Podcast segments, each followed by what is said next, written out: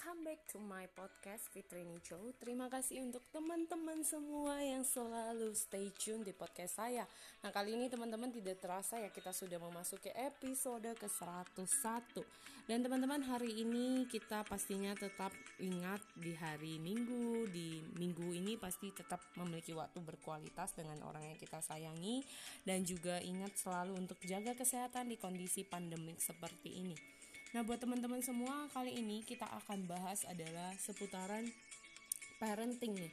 Bagaimana sih cara kita itu bisa mengerti apa yang menjadi kesukaan anak, apa yang anak tidak suka dan sebagainya. Mungkin kadang dampak yang kita lakukan mungkin dari emosional kita, sikap kita bisa berpengaruh ke anak-anak kita karena di saat Anda melakukan hal-hal negatif, anak mungkin terikut. Di saat Anda mungkin berantem dengan uh, pasangan Anda, Anda juga akan uh, berdampak ke anak tersebut secara emosional.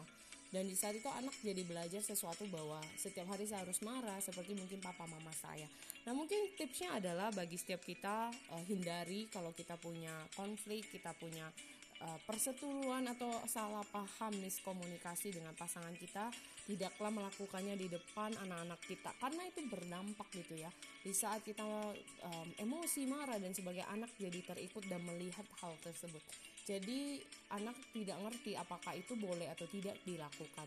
Nah makanya kita hindarin dan lakukanlah itu uh, tidak di depan mata anak-anak kita. Dan kadang kalau kita pun marah kita wajib jelaskan ke anak kenapa kita marah dengan alasan yang jelas yang bisa diterima anak.